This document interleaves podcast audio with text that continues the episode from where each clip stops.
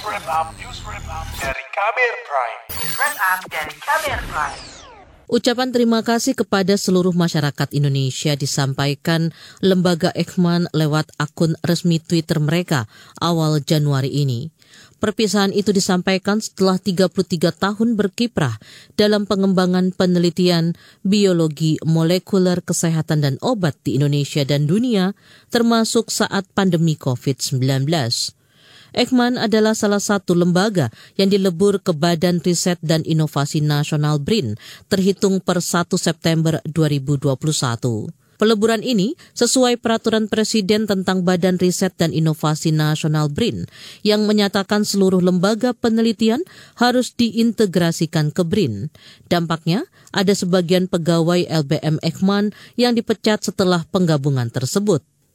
Kepala BRIN Laksana Trihandoko akhir pekan lalu mengklaim pemecatan atau pengalihan disesuaikan dengan berbagai skema sesuai aturan sebagai lembaga pemerintah.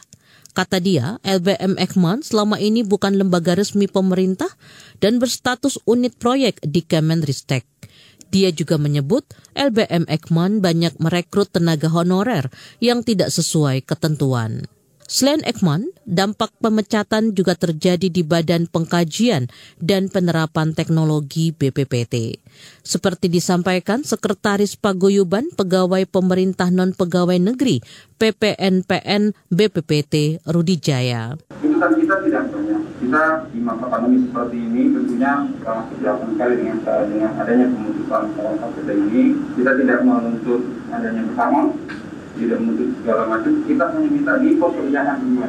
Itu saja. Kita sudah secara mungkin secara di di lembaga apa di kantor masing-masing mungkin sudah uh, tapi ternyata memang mereka mengatakan bahwa mereka tidak memiliki kenal karena ini adalah kebijakan yang jadi kemudian akhirnya kita mengambil uh, jalan seperti ini Pernyataan itu disampaikan Rudi usai mengadu ke Komisi Nasional Hak Azazi Manusia Komnas HAM tentang nasib mereka setelah peleburan puluhan lembaga riset ke BRIN. Saya sendiri sudah 16 tahun di BPT dan kita bisa terlibat juga dalam uh, riset yang berskala nasional bahkan di dalam hal yang terakhir dan sekarang ketika uh, kita ikut terlibat dalam uh, riset kemandirian bahan baku obat untuk penisilin dan cefalosporin dan alhamdulillah kita di situ cukup Hal senada disampaikan Andika, seorang teknisi sarana dan prasarana di Balai Teknologi Survei Kelautan Teksurla, BPPT.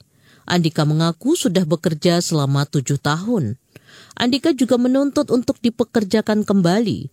Kata dia, pasca penggabungan itu, dia memperkirakan ada ribuan pekerja yang terdampak. Wah, kalau di BPP itu, BPP itu ada beberapa balai yang mungkin bisa dibilang bisa mencapai ribuan. Itu aja itu belum semua yang mendatangkan. Nanti nanti selanjutnya bakal bawa wartawan juga bakal tahu Nanti kita kumpulin data yang valid yang Komisi Nasional Hak Asasi Manusia menyatakan bahwa pengaduan para pegawai non-PNS Badan Pengkajian dan Penerapan Teknologi BPPT.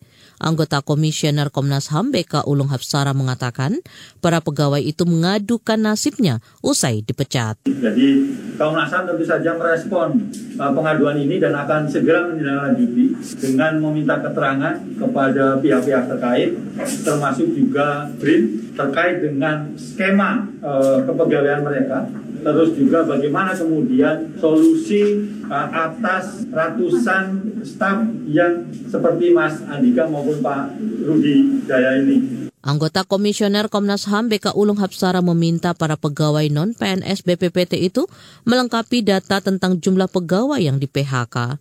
Selanjutnya, Komnas HAM akan meminta keterangan dari pihak-pihak terkait, termasuk Badan Riset Inovasi Nasional atau BRIN. Saya negara harus juga menghargai jerih payah atau upaya kerja keras dari kawan-kawan ini semua. Meskipun tidak terlihat di media, itu tidak terlihat di publik, tapi riset-riset yang ada itu juga saya kira membantu Indonesia lebih maju. Bahkan tadi ada Pak Ishak Ismail itu nakoda kapal riset Balingan Jaya ikut membantu menemukan black box uh, Lion Air yang jatuh di Kalimantan dan dapat penghargaan langsung dari Presiden Jokowi.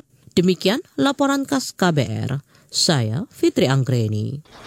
Kamu baru saja mendengarkan news wrap up dari KBR Prime. Dengarkan terus kbrprime.id podcast for curious mind.